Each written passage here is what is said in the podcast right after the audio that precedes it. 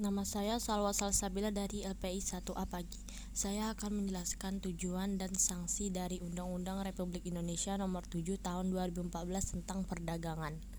Yang pertama ada pengaturan kegiatan perdagangan yang bertujuan A. Meningkatkan pertumbuhan ekonomi nasional B. Meningkatkan penggunaan dan perdagangan produk dalam negeri C. Meningkatkan kesempatan berusaha dan menciptakan lapangan pekerjaan D. Menjamin kelancaran distribusi dan ketersediaan barang kebutuhan pokok dan barang penting E. Meningkatkan fasilitas, sarana, dan prasarana perdagangan F. Meningkatkan kemitraan antara usaha besar dan koperasi, usaha mikro, kecil, dan menengah, serta pemerintah dan swasta G. Meningkatkan daya saing produk dan usaha nasional H. Meningkatkan citra produk dalam negeri, akses pasar, dan ekspor nasional I. Meningkatkan perdagangan produk berbasis ekonomi kreatif J. Meningkatkan perlindungan konsumen K. Meningkatkan penggunaan SNI L. Meningkatkan perlindungan sumber daya alam dan M. Meningkatkan pengawasan barang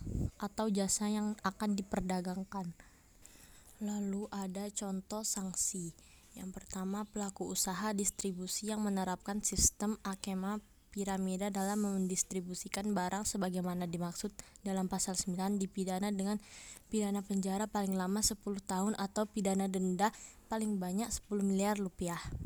2. Ada pelaku usaha yang melakukan kegiatan usaha perdagangan tidak memiliki perizinan di bidang perdagangan yang diberikan oleh Menteri sebagaimana dimaksud dalam pasal 24 ayat 1 dipidana dengan pidana penjara paling lama 4 tahun dan denda paling banyak 10 miliar rupiah.